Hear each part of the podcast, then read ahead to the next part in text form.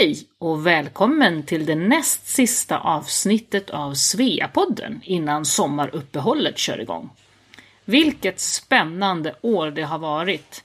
Det här blir vårt 23 avsnitt med en mycket spännande gäst som bor och lever mellan Australien och Norrbotten.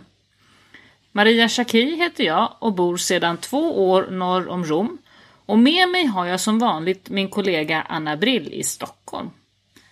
Anna, ska vi se om vi lyckas träffas på riktigt i sommar? Vi har ju faktiskt aldrig träffats. Är inte det lite konstigt? Jo, eh, nu känner vi ju varandra ganska väl här, men eh, vi har ju ändå aldrig riktigt setts i verkligheten. Men eh, jag tror att vi delar den upplevelsen med många andra från det så kallade coronaåret 2020, när allting mer eller mindre blev online. Men eh, det funkar ju helt otroligt bra och många tycker ju att eh, det är nästan ett bättre och framförallt enklare sätt att arbeta. Men vet du vad jag har hittat på? Jag har köpt en elcykel. Jaha, men vad kul. Eh, vadå, är det som en liten moped eller? Nej, inte alls. Man måste fortfarande trampa och så får man liksom lite hjälp. Jag har ju cyklat mycket och för några år sedan cyklade jag till och med Vätternrundan på 30 mil. För en tjej som till och med blev befriad från vanlig gymnastik i skolan var det en stor seger. Men på senare tid har jag tyvärr kommit av mig och är numera helt ur form. Så för att komma igång igen så har jag köpt den här elcykeln. Och då kan jag cykla tillsammans med min sambo som är en superduktig cyklist så vi kan ta turer tillsammans nu. Men eh, får man verkligen någon motion av att cykla på elcykel? Jo, men till att börja med är ju det fortfarande bättre än att sitta kvar i soffan. Och sen är det ju så att du måste ju trampa själv. Men elmotorn ger dig lite hjälp. Lite som när jag förut cyklade med sambon då och uppför tuffa backar så satte han en hand i ryggen på mig och tryckte på lite. Ungefär sådär fungerar det med elmotorn. Det här ska bli jätteroligt. Jag ser verkligen fram emot att få komma igång igen och liksom återfå min identitet som cyklist och så göra utflykter tillsammans med min sambo. Eh, men nu måste vi komma här med en liten Svea-påminnelse. Lägg in i almanackan redan nu. Svea Internationals stipendieutdelning äger rum torsdagen den 5 augusti klockan 15.00. Då kommer Susanne, eh, vår internationella ordförande, att dela ut de tre stora stipendierna till våra tre fina stipendiater. Och du som är Svea kan anmäla dig via en länk som kommer att skickas ut till alla. Men eh, nu till dagens intervju. Carrie Söderberg är en svensk-australiensisk journalist som är uppvuxen i både Australien och norra Sverige. En väldigt ovanlig kombo, eller hur? Ja, och så intressant att hon har fastnat nu för det dynamiska Norrbotten det låter oerhört spännande allt som händer där just nu med nya industrier och till och med gröna sådana. Det finns gott om arbetstillfällen där hörni. Ja, jag tänkte lite på det där med Norrbotten. Det är ju så mycket vacker natur och ett lugn som man inte riktigt hittar på så många ställen. Det känns som om norra Sverige är på gång att ta någon sorts revansch. Både när det gäller det här med industrin som utvecklas där uppe, men också det här med att det blivit så populärt att semestra i vårt underbara eh, land nu och ge en uppskattning för den svenska naturen. Och allt det där har ju fått ett stort uppsving under coronaåret när ingen kunde resa utomlands. Mm, och de möjligheter att jobba på distans som öppnat upp nu kanske också kan hjälpa till för glesbygden tror jag. Ja, precis. Men eh, Carrie berättar ju såklart även om sin tid i Australien, i både Sydney och Perth. Det blir skillnader mot Sverige, natur, kultur, Svea med mera. Ja, men här kommer hon, Carrie Söderberg.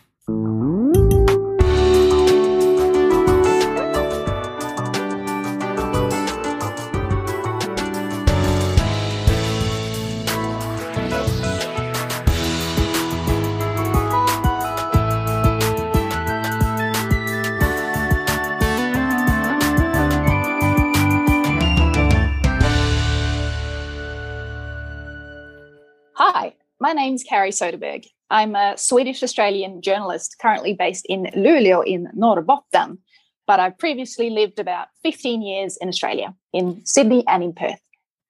Hej Carrie och varmt välkommen till oss här i Sveapodden. Vilken häftig accent du har där på australiensisk engelska. Berätta Ja, hur, hur, länge, hur länge var det du bodde i eh, Australien egentligen?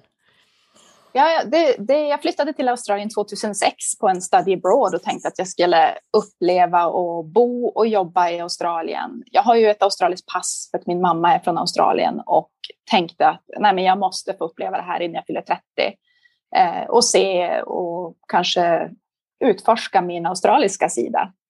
Så jag flyttade till Sydney, eh, läste en study abroad med en praktik eh, plats som man fick ordna själv eh, på Macquarie University i Sydney. Och kom dit en eh, solig sommardag i februari. Eh, blek och fin från Luleå. Och det började ju med en rivstart. Jag stoppade i mitt kreditkort och det försvann i bankomaten. hade inga pengar. Bodde på hostel och fick pengar skickade till mig. Fick någon skavsår på foten och fick ligga inne på akuten Eh, så det var en väldigt spännande start till den här eh, tiden i Australien. Men eh, jag minns så väl när jag satt där på akuten och, och de sa att Nej, men du måste ligga inne i natt för det här är, du börjar få blodförgiftning. Och vi vill att du ska vara här över natten. Och då sa de det blir 500 dollar. Och jag hade inga pengar. Och jag satt och grät och jag satt och fingrade på mina pass. Och då ser hon att jag har ett svenskt pass i handen. Och då säger hon så här, ah, you're Swedish, no problem, reciprocal agreement, come in, come in. Va? Nej vad coolt! Så vad då? man får gratis sjukvård i Australien om man är svensk? Ja, de har ett avtal med Sverige, så att det är samma om man eh, reser hit. Alltså när man har bott i Australien en längre tid och inte längre är skriven i Sverige så får man ju inte sjukvård här som svensk medborgare. Men däremot som australisk medborgare så får man det. Man visar upp passet och vice versa. Mm. Wow, vilket coolt land. Men du, vi ska komma tillbaka till Australien. Nu vill vi börja med att fråga, hur har du hamnat nu i Norrbotten? Och var är du? Vad gör du där? Ja, jag... Eh, det är klart, när man har bott utomlands så pass länge, man längtar ju hem av och till och det kommer och går och så. Men till slut så blev min längtan efter att få jobba med journalistik igen och radio i Sverige så stark att jag tänkte att jag söker ett sommarjobb på Sveriges Radio i Luleå och det är min gamla arbetsplats där jag hade jobbat innan jag flyttade till Australien.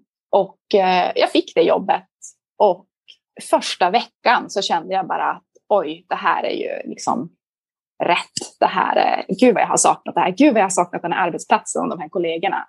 Det är så fantastiskt mm. och det är så roligt och kreativt. Och så blev jag kvar. Nu är du anställd som journalist på Sveriges Radio i Luleå. Ja, nu har jag ett eh, vikariat som eh, om ingenting händer mig så övergår det väl till att jag blir inlasad i oktober.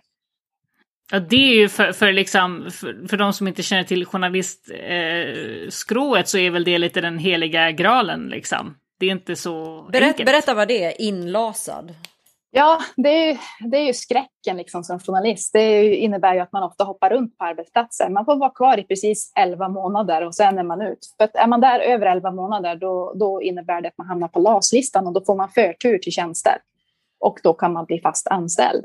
Så det är, eh, det är något som är väldigt eftertraktat och jag är otroligt tacksam och lycklig över att eh, jag har blivit erbjuden ett kontrakt som innebär att det kanske blir så.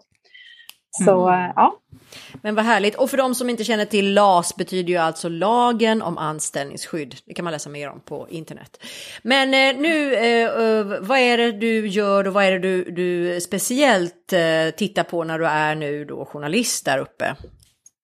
Ja, alltså det senaste halvåret har jag jobbat specifikt. Eh, Sveriges Radio har ett projekt där vi eh, har journalister. Eh, ja, I varje region så har vi, och varje P4-kanal har journalister, eller en eller två journalister som jobbar som eh, coronareportrar helt enkelt. Eh, det är den bevakning som man inte gör dagligen som kanske är lite mer under ytan, lite mera, man kan vara ute och träffa berörda och göra lite längre grejer och lite mera fördjupande eh, inslag, både live i radio och till webben och eh, i nyheter.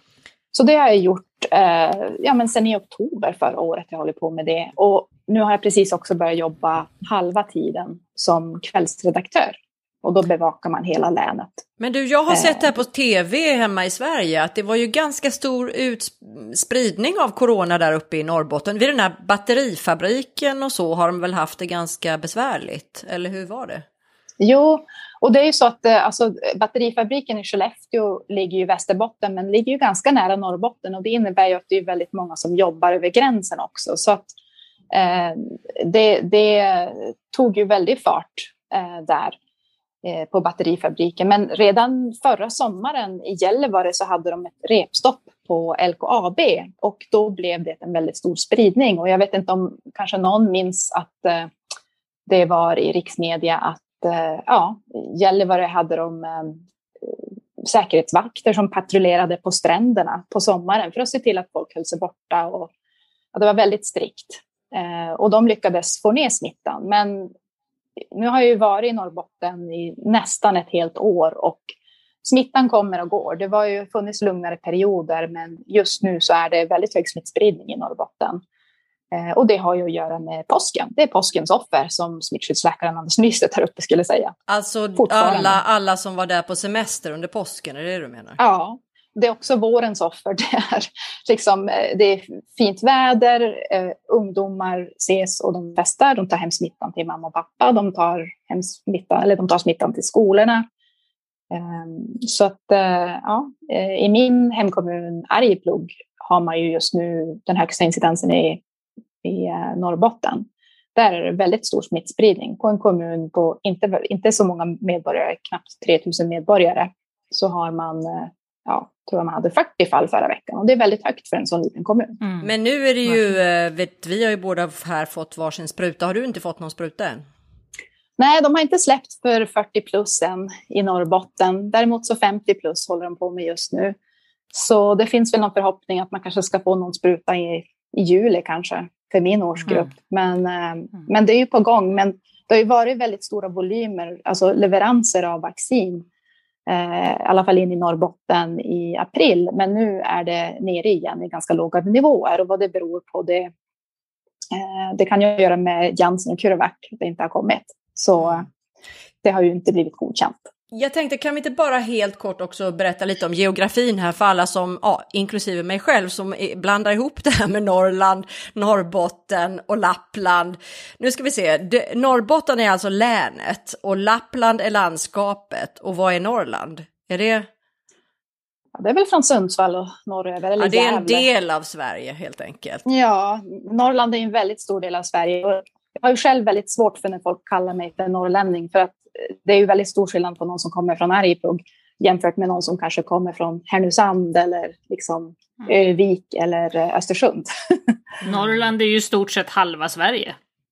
Ja. Men Norrbotten, är det det, det mest nordliga län, eh, lands, eh, vad heter det, länet? Ja, det är det. Eh, Norrbotten är ju Sveriges nordligaste län. Jag sitter i regionhuvudstaden Luleå just nu.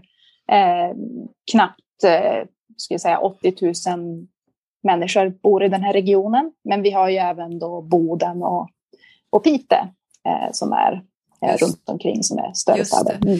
Men du kan vi bara ta lite grann också om det här med Norrbotten och vad som händer där. Vi var inne lite på det. Det är ju alltså så för de som inte känner till att det håller ju på att byggas en jättestor batterifabrik. Kan du någonting om det där? Kan du berätta lite? Och, och det här gröna stålet och allt som händer nu i Norrbotten. Det är ju jättespännande. Ja, Northvolt är ju en jättestor satsning som sker i Västerbotten som ligger ja, i Skellefteå. Eh, och eh, den satsningen, jag pratade med, eh, eller inte pratade, jag, jag var med på ett eh, seminarium för förra veckan med eh, Daniela eh, Maniaci från Northvolt som är Director för Talent Acquisition. Eh, och det är ju jätteintressant. De, de söker ju med ljus och lykta efter personer som har kompetens. Det kan ju handla om att man har jobbat eh, som technician eh, i, i olika processer. Eh, alltså det, behöver ju inte, det kan ju vara så att du har jobbat på en, eh, alltså typ normejerier. Då kan du lära dig sådana processer som kanske har att göra med eh, hur man gör batterier. Så att de söker ju från andra branscher också. Men hon sa att de har ju anställt förra året nästan 500 personer och de får i snitt, jag ska se, hon sa hur många ansökningar de får i månaden. Det är något så otroligt. Um... Det där är ju jättespännande för det här har ju varit en lite besvärlig del av Sverige kanske när det gäller just jobb att det här nu exploderar där. Eh, mm.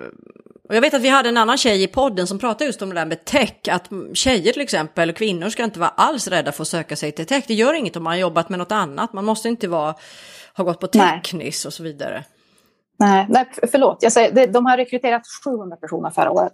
Men de har ju fabriken i Skellefteå som är liksom där själva huvudfabriken är. Sen har de ju också verksamhet i Västerås och Polen. Eh, men de får ungefär 10 000 ansökningar i månaden. Wow. Och det är ju sådana otroliga mängder. Eh, men samtidigt så försöker de själva rekrytera folk från branscher som är liknande. Så att det finns otroliga möjligheter. Och ett jättestort intresse för att vara med på den här gröna resan, den här gröna vågen. Mm. Um, och, uh, och det här alltså gröna alltså det, stålet då, vad är det, det, vad är det de håller till?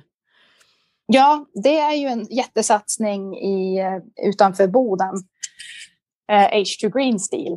De ska alltså producera stål, vilket man producerar från järnmalm, eller hur? Och det ska de då försöka göra på ett grönare sätt, så att säga. Ja, precis. Eh, nej, men det är ju alltså storskalig fossilfri ståltillverkning i, i, utanför Boden. Eh, och det är ju produktionsstart redan 2024, så att det är ju snabba ryck.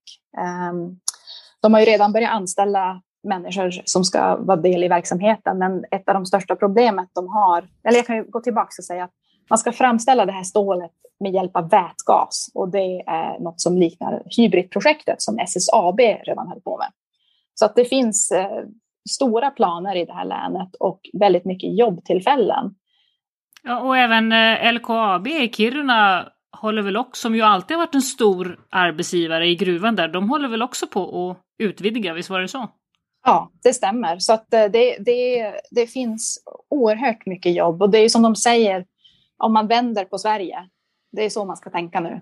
Att man mm. vänder på Sverige, det, det är, det är Norrbotten man ska... Jättehäftigt alltså. Men du, mm. var det lite av de här alla sakerna som händer där som, som liksom lockade dig att komma tillbaka hem till Norrbotten?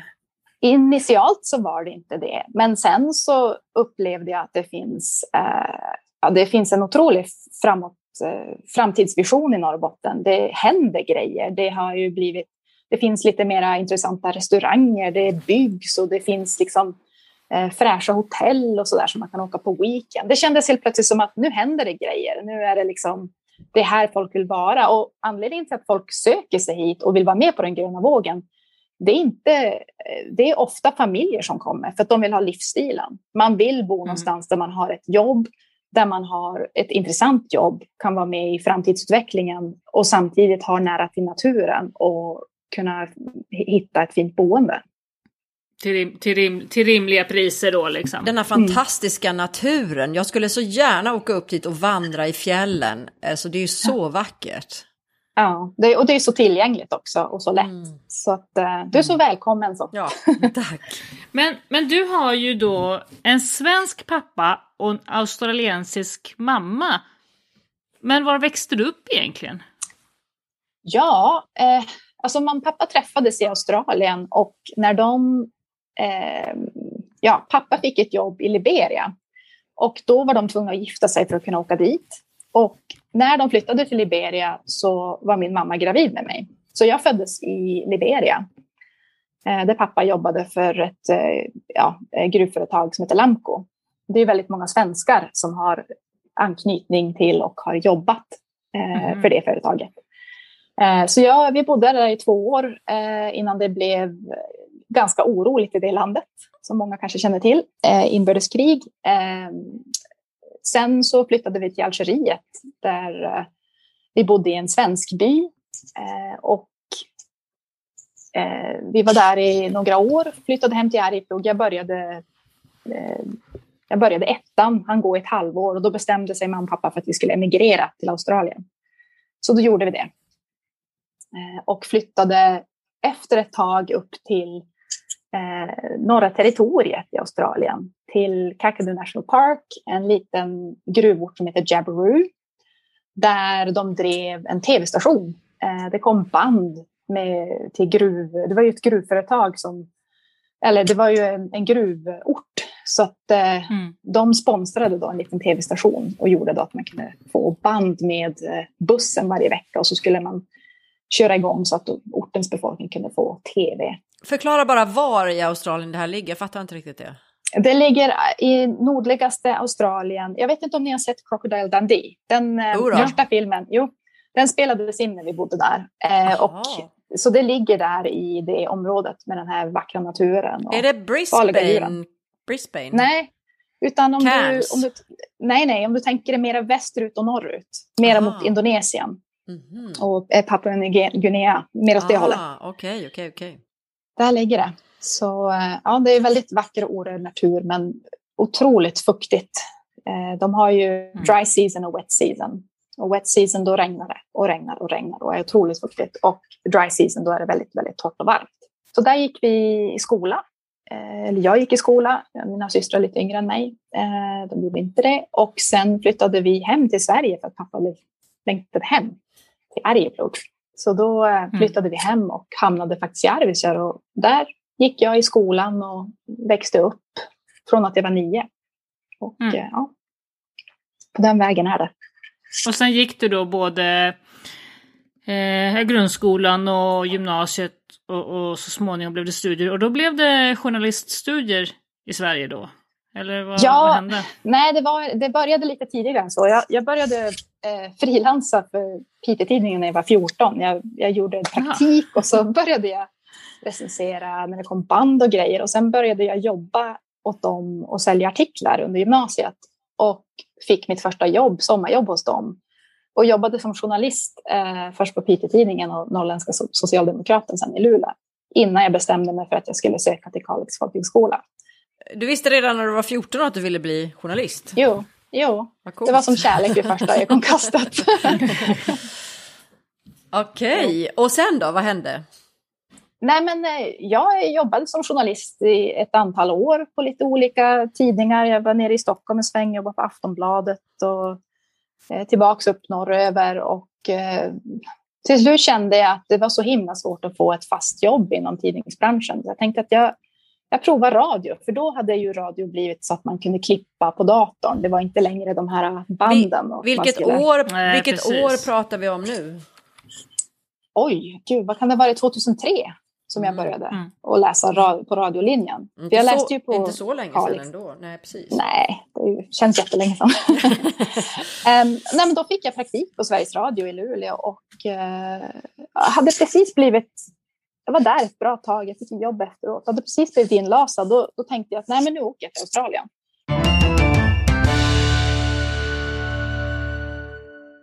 Visste du att Svea finns hemma i Sverige? Vi har fyra avdelningar i Sverige som hjälper dig att hitta hem igen.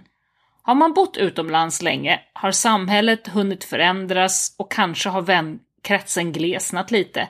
Det är inte alltid så lätt att flytta tillbaks. Det kan bli liksom en omvänd kulturkrock som man kanske inte riktigt räknat med. Man kan också behöva råd i en del praktiska frågor och rutiner som ser annorlunda ut efter många år utomlands. Då finns Svea Göteborg, Svea Stockholm, Svea Örestad och Svea Malmö som du kan vända dig till. Precis som alla andra Svea-avdelningar i världen så står vi ju för gemenskap, stöd, roliga aktiviteter av alla de slag. Och dessutom så turas de här avdelningarna om att stå värd för den årligen återkommande Sverigemiddagen där Sveas stipendier och hedersbetygelsen Årets svenska kvinna delas ut. Alla svensktalande kvinnor som bott utomlands är välkomna att gå med i någon av Sveas hemvändaravdelningar i Sverige. Du är varmt välkommen att kontakta någon av dessa. Mer information finns på www.svea.org under fliken Hitta Svea eller på Facebook och Instagram där Svea Sverige också finns.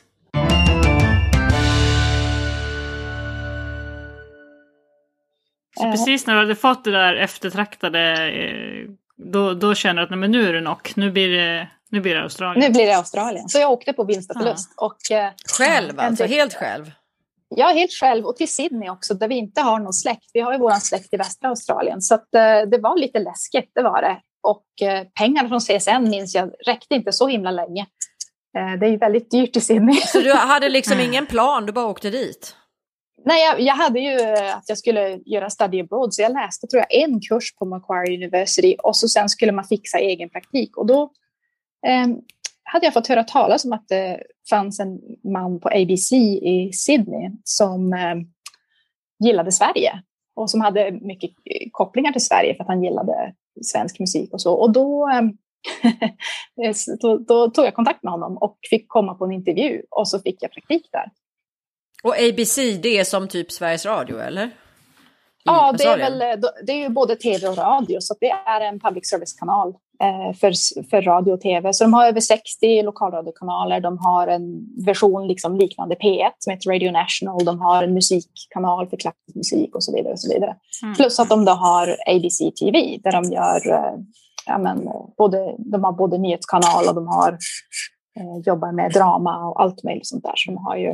så, så den där dramatiska starten som du berättade om här i inledningen, den kom du över ganska snabbt och fann dig till rätta där i Sydney? Ja, det var ju bara några månader där, där jag, där jag läste den där enstaka kursen på Macquarie University och jobbade nästan heltid på ett café och det var ju jättekul. Eh, jag bodde inneboende hos en kinesisk familj i Chatswood och det var jättemysigt och spännande att träffa. Chatswood i Sydney är ju en en förort där det bor oerhört många ehm, eh, menar, asiatiska människor som har också flyttat till Sydney och hittat sitt hem där. Så det var ju otroligt spännande att komma från lilla Norrbotten och helt plötsligt eh, alltså möta världen i, i Sydney. Men du hade pass då? Du hade australiensiskt pass eller? Ja, jag hade ju det och det var ju det som gjorde att jag kunde, att jag kunde åka så lätt. Ja, för det är ju inte helt enkelt vad jag förstår att, att faktiskt med visum och så. Australien släpper inte riktigt in folk hur enkelt som helst, eller hur? Nej, och då, är det ju, då var det ju väldigt tacksamt att jag, att jag är dubbelmedborgare och så mm. lätt kunde komma mm. in i samhället. Mm. Och, sen, och sen hamnade du i Perth så småningom? Ja, efter tio år. så det var tio år i Sydney och då jobbade du på det här ABC? Jo, alltså jag var ju bara där på praktik i några veckor. Sen blev jag erbjuden en, ett vikariat och så blev jag som kvar där. Ehm, det var väl första tio, först var det väl inte så det jätte, det var ju sådana här vikariat som och man är casual och man kommer in och jobbar då och då fast man jobbar egentligen heltid. Ehm, jag träffade min man den sommaren, juli 2006, eh, i ett sharehouse i Sydney. Och eh, sen hade jag ju biljett bokad hem till Sverige, så då åkte jag. Men då kände jag att nej, jag vill åka tillbaks. Så även om jag inte mm. hade något jobb klart så åkte jag, jag lånade 5 000 kronor av min pappa faktiskt. Och så åkte jag tillbaka eh, på, med en enkel biljett. Um, och då minns jag så väl att jag flyttade in i det här sharehouse igen och då fick hon reda på det, hon som jag och min man, eller nu min man, hon som eh, hade sharehouse, hon fick reda på att vi var ett par. Och då kom hon sen ner en dag med sitt vinglas med sin isbit i och så hon bara You guys, I just like feel like um, uh, I feel like the mood has changed and I just like want something else. So it's time for you guys to like move out. Så fick vi liksom en vecka på oss att flytta ut. Um, ah, men ni hittade, hittade någonstans? Ett, ja, vi hittade någonstans faktiskt. Och det är ju en annan resa det där med att hitta någonstans att bo i Sydney. Det, är det, det svårt? Är. Ja, men det är väl som den här ångesten i Stockholm av att hitta ett, bra, ett långsiktigt andrahandskontrakt. I, I Australien så hyr man ju bara privat i stort sett. Om man mm. nu inte är i ett sharehouse på det sättet. Mm. Och då ska man ju ha referenser och sådär. Och, mm. Men jag tror att eh, i och med att både jag och Nathan jobbade ju på ABC då. Eh, så, eh, och hade bra referenser från våra chefer och så, så fick vi ett kontrakt inom en vecka och flyttade ut. Det blev väldigt snopen om vi bodde med i sharehouse, men vi bara hej då. sharehouse, är, är, det, är det som att bo på korridor eller har man, är det olika lägenheter? Eller Nej, hur? alltså det är kollektiv.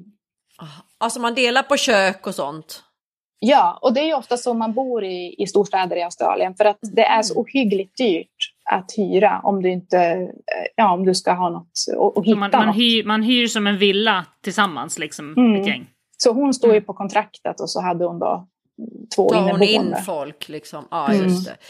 Men Nathan där, eh, han, honom tog du med, har du tagit med dig tillbaka till Sverige nu? Ja, han har jag plockat med mig, men just ja. idag så har jag vinkat adjö, adjö till honom på Kallax i Luleå. För att eh, han eh, väntar på uppehållstillstånd och nu vill de inte att han är kvar i Sverige just nu. Så att de vill att han åker medan de tittar på det där. Så att han har ja, faktiskt fått åka till Kroatien eftersom han inte tar sig till Australien just nu på grund av pandemin. Eh, mm. och han måste åka utanför Schengen och Kroatien ligger inte i Schengen.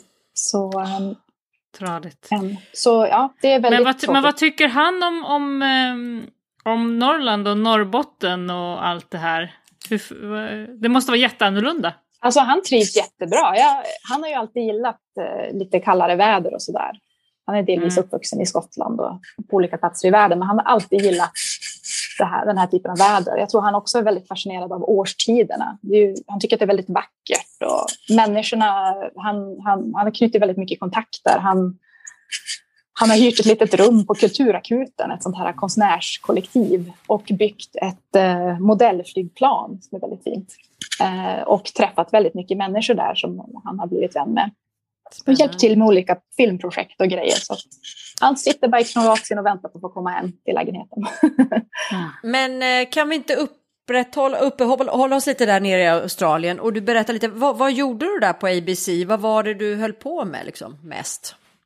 Eh, jag jobbar som producent för eh, lokalradion i Sydney på lite olika program. Eh, sen jobbade jag på lite olika rikssända lokalradioprogram Eh, bland annat eh, efter ett tag så fick jag fast tjänst som nattproducent på Overnight heter det, som är ett program som sänds på alla 60 lokalradiokanaler i Australien. Eh, mellan klockan två på morgonen och klockan sex på morgonen. Så att jag är fortfarande the longest serving producer on Overnight med Rod Quinn. så du jobbade mer som producent än som liksom intervjujournalist eller gjorde du lite av allt möjligt? Nej, jag har ju jobbat, alltså jag har ju frilansat för svensk radio i stort sett sedan jag åkte till Australien.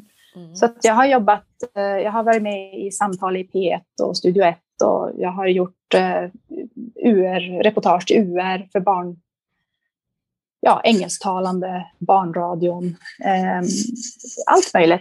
Uh, jag tänkte där, där på jag, ABC, där var du mest producent eller? Där var jag mest producent uh, och det är ju ganska intressant för det är ju, där tar de ju samtal i studion. Man sitter ju med som producent i studion, så du producerar programmet. Sen sitter du oftast med i sändning också och tar alla samtal och screenar samtalen. För man tar väldigt mycket samtal live i radio. Folk som ringer in alltså? Mm. Och särskilt på natten så möter man ju en helt annan värld. Alltså människor som... Det kan ju vara en pappa som sitter uppe med sina barn, liksom inte kan sova. Eller någon som, vi hade någon som jobbade som kemist som, på någon fabrik som ringde in. Och det var ju lastbilschaufförer och lite udda människor som kanske är lite ensamma. Men, ehm, Men du, det där är ju jättespännande. Vi, vi undrar ju lite här, eh, vad är det för skillnader med, eh, nu har ju du just jobbat med radio och sådär både i Sverige och, och, i Australien. Vad är det för skillnader i sättet att arbeta, mentalitet och har man andra, andra typer av program i Australien än i Sverige? Va, vad säger du om allt det där? Eh, jag skulle säga att, att jobba inom public service i Australien jämfört med Sverige är ju väldigt lika. Alltså det är inte så uppklätt på golvet alltså, inte bland, bland cheferna är det ju det, men på golvet är det ju inte uppklätt.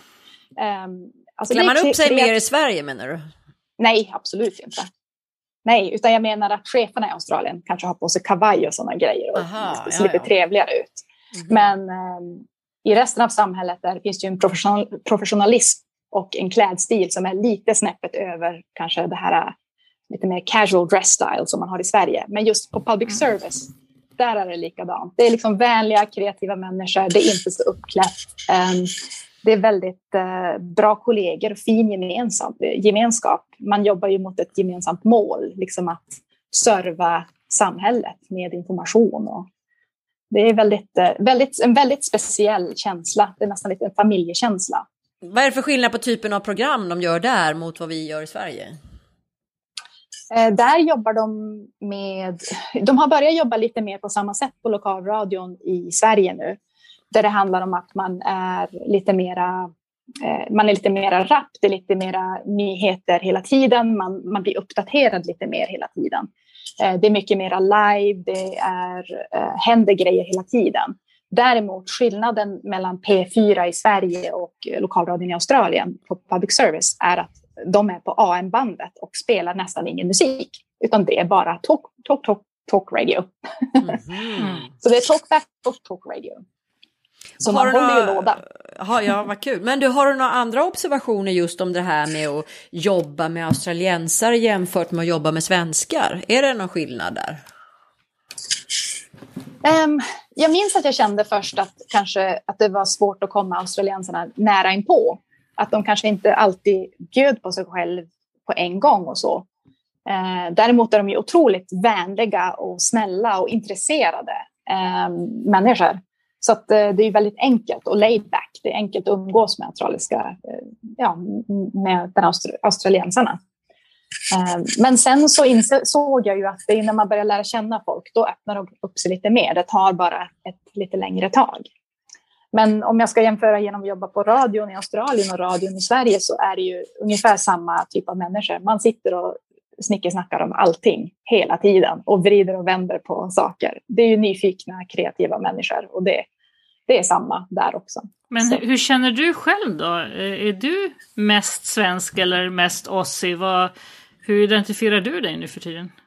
Jag, jag, jag tror att det är jättesvårt. Um, Eller är du, två, är du två personer kanske? Jag tror det. Nej, det är jag inte. Men det, det, det är ju ingen där som vet om att jag är svensk när jag är där. Nej, så det kommer ju ofta som en överraskning efter några år kanske. på jobbet om man inte är så nära med någon kanske. Men, eh, nej, men jag tror att jag är på samma sätt. Jo, det som är svenskt är att jag nog är ganska eh, jag är väl inte så mycket för auktoriteter och jag har jobbat för australiska myndigheter och där är det ju kostym, det är ju liksom business, business dress. Alltså man har på sig... Är det inte så platt, platt organisation som i Sverige kanske? Det, ja, det är ju väldigt hierarkiskt och det är... Mm. Man ska ha respekt för chefen på myndigheter. Och, så. och det hade jag väldigt svårt för, för jag är ju om man har jobbat på radiostation så är ju ingen, alla är du med, man är ju kompis med alla, man är ju inte liksom, man sticker ju in huvudet genom dörren och snackar med chefen när som helst, men där gör man inte det, utan the director ska man eh, boka tid för att träffa. Jag minns att jag jobbade för räddningstjänsten i västra Australien och då han som var commissioner, som var då in charge där, eh, han fick man kalla för the boss. Han fick, man fick kalla honom för boss eller sir när man träffade honom i korridoren. och man fick absolut inte gå in och träffa honom. Aldrig någonsin. Det fick bara min chef göra. Var det för att han var en man eller? Nej. Nej, nej, det är hierarkin. Det var hierarkin. Mm. Men, och, så, och så där är det ju i stora delar av världen. Det är, det, det är ju Sverige som är faktiskt, eller kanske Skandinavien som är lite speciellt där, att vi har inte samma typ av hierarki på arbetsplatserna, eller hur? Nej, nej det är ju så. Och det, det kunde jag känna att var väldigt så här, ska man säga, constricting. Det, det var väl inte så, gick väl inte ihop kanske eh, med sättet att vara som svensk kanske, men men du, hur hamnade du sen i Perth? För du var väl i Perth? Eh, du var ju med där när Svea hade VM, världsmöte i Perth 2017 och då bodde du väl där? Hur kom du dit? Jo, nej men eh, det var ju så att jag... Vi hade ju jobbat, eller vi hade ju bott i Sydney väldigt länge, både jag och min man och jag hade ju bytt jobb och jobbade för ett rikssänt aktualitetsprogram och vi hade väldigt bra jobb båda två. Men då blev min man erbjuden ett uh, chefsjobb i Sydney nej, vad säger jag, han blev erbjuden ett chefsjobb i Perth. Och vi har ju båda eh, släkt och familj där. Och det är dessutom väldigt, väldigt svårt att eh, komma in i bostadsmarknaden i Sydney och köpa någonting. I Perth tänkte, menar du? I Perth? Nej, Sydney. Ja, det är så, okej, nu fattar jag, förlåt. Så då tänkte vi att eh, vi flyttar till västkusten och eh, försöker få köpa en, en liten lägenhet tillsammans och ja, men starta på nytt och eh, försöker oss på ett nytt äventyr. Och då kände jag väl att jag hade jobbat ganska länge på radion och att det skulle vara spännande att prova något nytt. Så jag jobbade ett tag på radion i Perth och sen så sa jag upp mig och så sökte jag jobb på lite statliga myndigheter och så där och så jobbade jag med lite olika projekt. Eh, startade en svensk, ett svenskt pop-up-café ett tag med regionordförande i Svea Asok Katarina Hansson och en annan eh, Svea som nu bor i Sverige.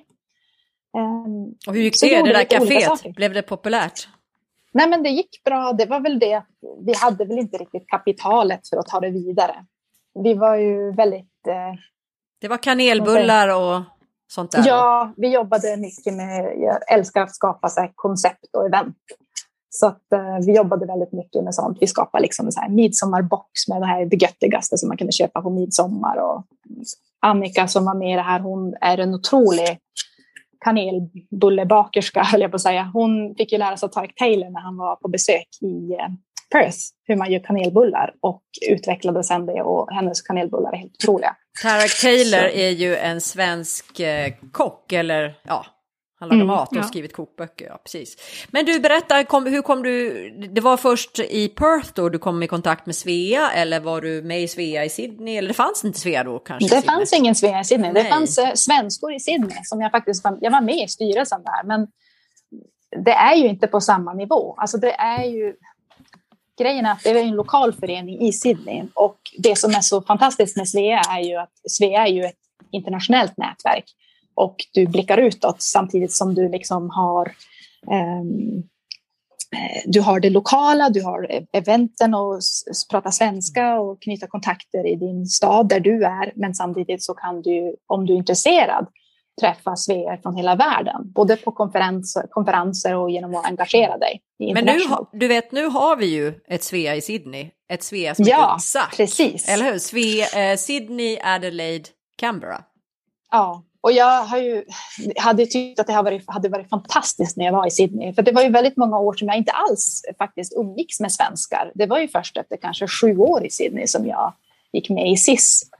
Eh, men redan då kände jag att det var ju väldigt fokuserat. De höll till där uppe på, eh, vid Manly-trakten. Och jag bodde ju i Ultimo, Forest Lodge och Glebe där i Inner West, liksom, nära stan. Och där fanns det ingen som ville umgås eller göra någonting. Och jag menar, det är det som är så bra med, med Svea, att det är ju, man, man gör ju event för alla, så att det handlar inte om att man ska vara i en viss förort, utan att det ska vara tillgängligt för alla. Men då i Perth, då kom du i kontakt med Svea och blev medlem där?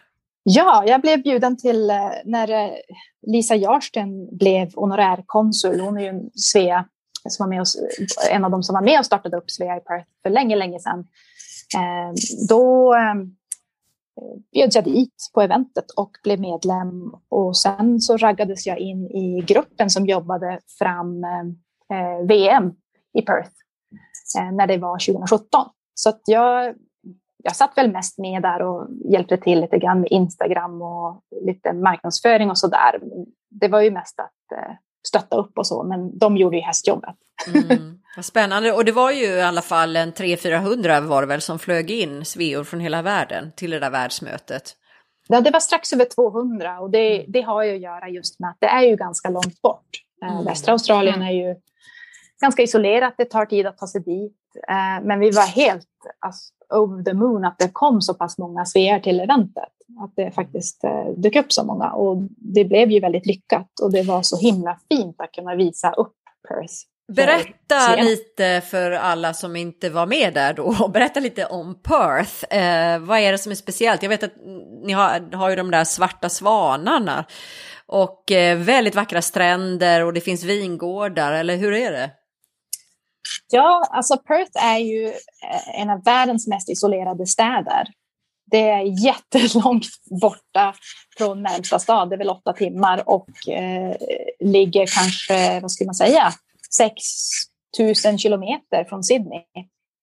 Så att eh, Perth ligger väldigt avsides. Samtidigt så är det ju en storstad med över två, två miljoner människor Eh, i en väldigt, väldigt stor delstat som heter västra Australien eh, som skiljer sig från skogar och odlingslandskap och farmer söderöver till norröver så har du The Kimberley och, och så har du även öken. Eh, och så har du de här vackra, vackra stränderna längs den här långa kusten ehm, och orörda naturen. Det är en väldigt vacker delstat och Perth ligger väldigt fint vid Swan River eh, som går genom hela staden. Och eh, Perth är ju faktiskt, man tittar på Los Angeles, man pratar om att man kör bil så långt till Los Angeles för att komma någonstans. Alltså Perth är ännu längre mm. eh, avstånd. Det är liksom en av de mest utbredda städerna i världen. Man bygger ut, ut, ut hela tiden för folk gillar att ha ett hus med tomt för att man har så mycket utrymme. Så det är stor blå himmel, oftast mycket sol, medelhavsklimat. Eh, väldigt trevlig plats. Och när ska man åka dit om man vill besöka Perth? När på Då ska året? man åka, om man vill uppleva Wildflower season kan man åka i oktober. Kan oftast vara ganska kallt, så jag skulle nog åka kanske i november. Men absolut bästa tiden att åka till Perth är ju nog, skulle jag säga, kanske från februari till juni. Då är det sommar där? Nej, då är det höst. Eller februari, då är det fortfarande sommar, men det går mot höst. Men hösten i Perth är väldigt fin och väldigt varm är den. För det blir för varmt ja. kanske under sommarmånaderna? Ja, där, det är ju väldigt fint under julen också. Vill du åka mm. någonstans över julen så är ju Perth inte ett dumt Och då får man träffa de där svarta svanarna också? Då får du se svarta svanar, du får säkert se delfiner och kängurur och alla möjliga slags djur. Ja, ah, vad härligt. Jag vill åka dit. Mycket rikt fågelliv också. Papegojor och allt möjligt. Men sen då så bestämde ni er för att flytta till Sverige igen och du fick med dig Nathan. Vad var det som gjorde att ni tog det steget? Ja, men eh, dels så hade jag ju åkt hem för att prova på att bo i Sverige och upptäckt att det var så fantastiskt och ville gärna vara kvar om jag skulle få möjligheten. Och sen så genomgår ju public service i Australien otroligt stora nedskärningar. Eh, så omfattande som man kan knappt tro det.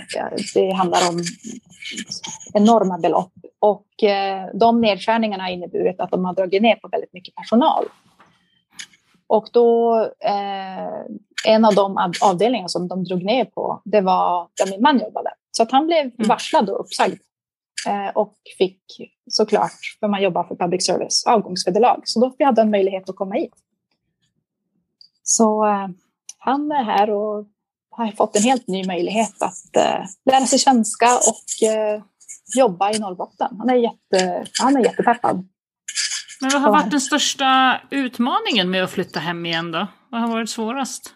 Eller har det varit plättlätt alltihopa? Nej, det har väl inte varit plättlätt, men det, det har inte varit svårt. Alltså, man pratar ju ofta om att Sverige är så byråkratiskt. Visst, det är det ju, men det är ju Australien också. Så det är ju inte som att man blir förvånad.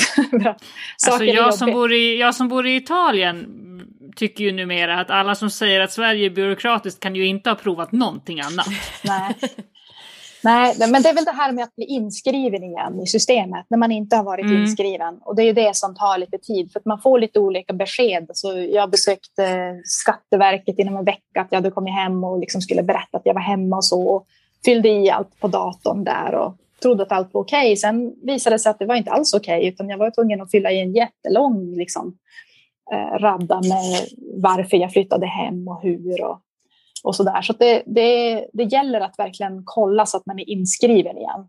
För att mm. eh, man har ju, jag minns från början så kunde inte ens jag ha den här appen Parkster för att kunna parkera för att jag hade inte, mitt svenska personnummer fungerar ju inte.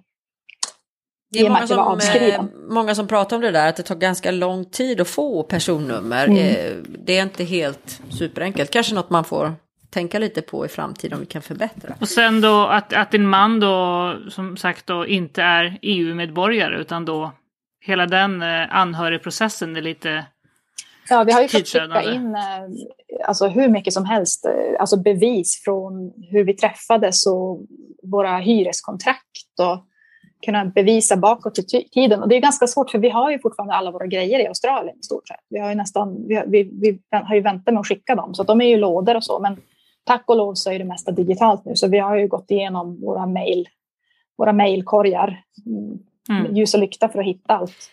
Och försökt att gå bakåt i tiden och bifoga allt som vi ska. Men, men ju... du, eh, vad har du din mamma och pappa nu då? Är de där uppe i Norrbotten också eller är de i Australien? Nej, mamma och pappa bor i eh, Bellonäs utanför Arjeplog. En liten, en liten by utanför Arjeplog. Men du har andra släktingar där nere i Perth-området? Jag hade ju min mormor i, i, i Perth. Hon dog för några år sedan nu. Um, och sen hade, har jag även en moster i Perth och en moster i Omoru uppe i Darwin.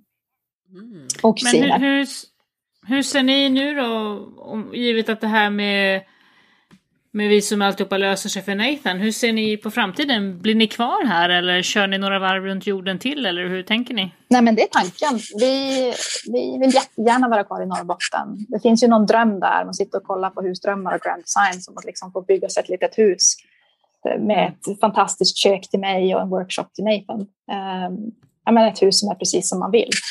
Uh, men också det här att få vara i Norrbotten, att få ha allt det här nära, den här naturen, de här årstiderna. Det är så otroligt vackert här på vintern. Det är liksom en sommardag när det går mot kvällen och det är elva på kvällen och det är midnattssol. Man går på en liten promenad. Liksom det, är, eh, det, det, är något väldigt speciellt med naturen uppe i Norrbotten och människorna också.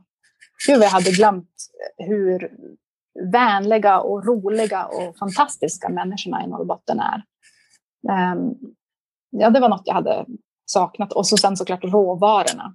Nu har jag, just nu har jag frysen full med älgkött och röding ja. och, och bär. Och, så man börjar ju... Ja. Det, det, låter lite som ditt hjärta är i Norrkö äh, Norrköping, jag säga, Norrbotten. är det så? Jo, nej men det är det. Och det har det alltid varit. Jag har alltid haft väldigt... Ja, jag har alltid älskat Norrbotten. Men nu tror jag att jag älskar Norrbotten lite mer, för nu är det ännu lite mer spännande och det händer så mycket och det finns så mycket berättelser att, jag menar, att eh, få, få berätta om, att få eh, följa med den här utvecklingen i Norrbotten. Att få va, faktiskt jobba på radion och få berätta om det är helt otroligt. Men vad saknar ni någonting då från, från Australien? Du jo. eller Nathan? Vad, vad, vad, vad är det ni känner att ni trots allt saknar därifrån? Men vi saknar ju vår lilla trea med utsikt över Perth. Eh, och vår lilla trädgård med alla fina fåglar. Såklart eh, släktingar, svärmor och svärfar. Eh, vädret är ju helt otroligt i Perth. Bara det här att man liksom, det är så enkelt att vara. Eh, och såklart alla härliga sveer i Perth. och särskilt hej till Katarina Hansson. och du, på tal om Svea, du, vi såg någonstans här, du har ju varit ordförande i Svea också, var det så? Jo, jag var ju ordförande i Svea Perth i tre år. Um, men det blev ju lite där i pandemin på slutet så att jag gjorde det på distans. Och det kanske inte jag skulle rekommendera så mycket. Men uh, det är svårt att släppa taget om något som man, som man älskar. Liksom. Mm. Uh, men en fantastisk grupp svear, uh, väldigt engagerade, väldigt vänliga Ehm, man kan lära sig oerhört mycket genom att gå med i Svea. Ehm, I Australien så är det ju inte så många expats som, som har följt med och eh, vad säger man, expatfruar. Utan de svear som i Australien och i Perth i alla fall, de har, driver ofta eget. De jobbar för olika myndigheter. De, de jobbar med allt ifrån man kanske är receptionist till, eh, eh till att man, ja, eh, jag kommer inte på några bra exempel här, men eh, man är konstnär eller jobbar för oljebolag. Liksom det är, eh, finns mycket att lära sig från Svear. Det är många som eh, kanske och, har en australiensisk partner som bor där. Ja, och det, det, är det. Och det är ju många som har bott utomlands väldigt länge, men man har starka band till Sverige. Så mm. vill man behålla det här kontaktnätet, eh, eller vill man behålla alltså, den svenska kulturen och hålla fast i den och samtidigt vara med på högtider och få prata svenska och ja, det är väldigt speciellt. Men samtidigt så, vi startade ju Svea Professional när jag var ordförande i Svea Perth. Um, och det är ju en, någonting som de startade i San Francisco men som nu finns på många olika avdelningar. Och, eller var det i Barcelona? Nej, det var nog i San Francisco, men sen har det spridit ja. sig och nu är det ju väldigt, eh, vi har ju en blogg, där kanske du skulle kunna skriva i den där bloggen. Ja, kanske det. Ja. men ja, du, men eh, Professional är ju bäst tycker jag. Ja, precis. Men du, vad gör du på fritiden? Du nämnde att du önskar dig ett stort kök. Är du intresserad av matlagning? Ja, jag älskar att laga mat. Jag, eh, precis innan vi flyttade hem så hade jag faktiskt börjat på TAFE som är ett college för att bli kock. Oh, men så kom ju pandemin så att jag, jag la ner det. Jag var ju tvungen och så fick jag jobb i Sverige och, och pandemin kom och det var inte så kul att laga mat på distans. Så nej, men den drömmen finns väl kvar. Um, jag älskar att skapa menyer och jag har en otroligt stor kokbok, kokbokskollektion. Jaha, men berätta vad du ehm. gillar att laga. Har du något favoritrecept? Alltså jag, jag gillar ju att baka. Det Det är ju något som jag tycker är väldigt roligt. Men jag vet inte om jag har något favoritrecept egentligen. Ja, Men du kör eh, norrländsk mat kanske? Mycket? Nej, jag, jag kör det som jag, jag känner för. Det kan mm. vara liksom att man är sugen på hemmagjord pasta eller att man... Eh, jag håller på nu och börjar lära mig lite grann hur man gör chokladpraliner. Eh, Oj. Mycket tårtor, alltså mosstårtor och eh, ja, håller på mycket med sånt där. Jag är med i lite olika så här, patisserie academies och sånt. Så det, Oj, vad det är ganska brett. Men du, eh, på tal om det, det kanske finns folk som tycker, åh vilken spännande tjej, vi vill följa henne. Var följer man dig? Oj. Eh, ni kan följa mig på, ja, mitt Instagramkonto heter Lekatten. Och Vad heter den? Det är L-E-K-A-T-T-E-N? Ja, det är, eh, eh det är arjeplogsmål för Hermelin. Jaha. Ah. Och vad postar det... du upp där för någonting? Ja, du vet, jag ska inte säga att jag så det är jättespännande, men jag lägger väl upp det som händer i mitt liv. Eh, det är mycket mat. Jag tror nu senast la jag faktiskt upp att jag hade köpt, eh, jag älskar parfym också, så jag hade köpt en massa olika parfymprover. Oj. Från Paris. Så, att, nej, så, så, det är jättespännande är det väl inte, men jag lägger upp väldigt mycket matbilder. Så du får gärna följa mig. Du låter som en kvinna med många talanger, vad spännande. Men du, eh, tusen tack för idag säger väl vi Maria, ja, eller? ja, verkligen. Jättespännande. Från hela jorden runt känns det som. Både Australien och, och Norrbotten i ett, liksom. Jätteroligt. Tack själv. Tack så mycket. Tack. Tack för att du har lyssnat. Den här podden är inspelad och producerad för Svea International av Anna Brill och Maria Schacki. Musiken är skriven för Svea av Fredrik Åkerblom. Sveapodden finns nu på de allra flesta ställen där du hittar poddar. Eh, Apple Podcasts, Google Podcasts, Spotify, Acast och alla de här.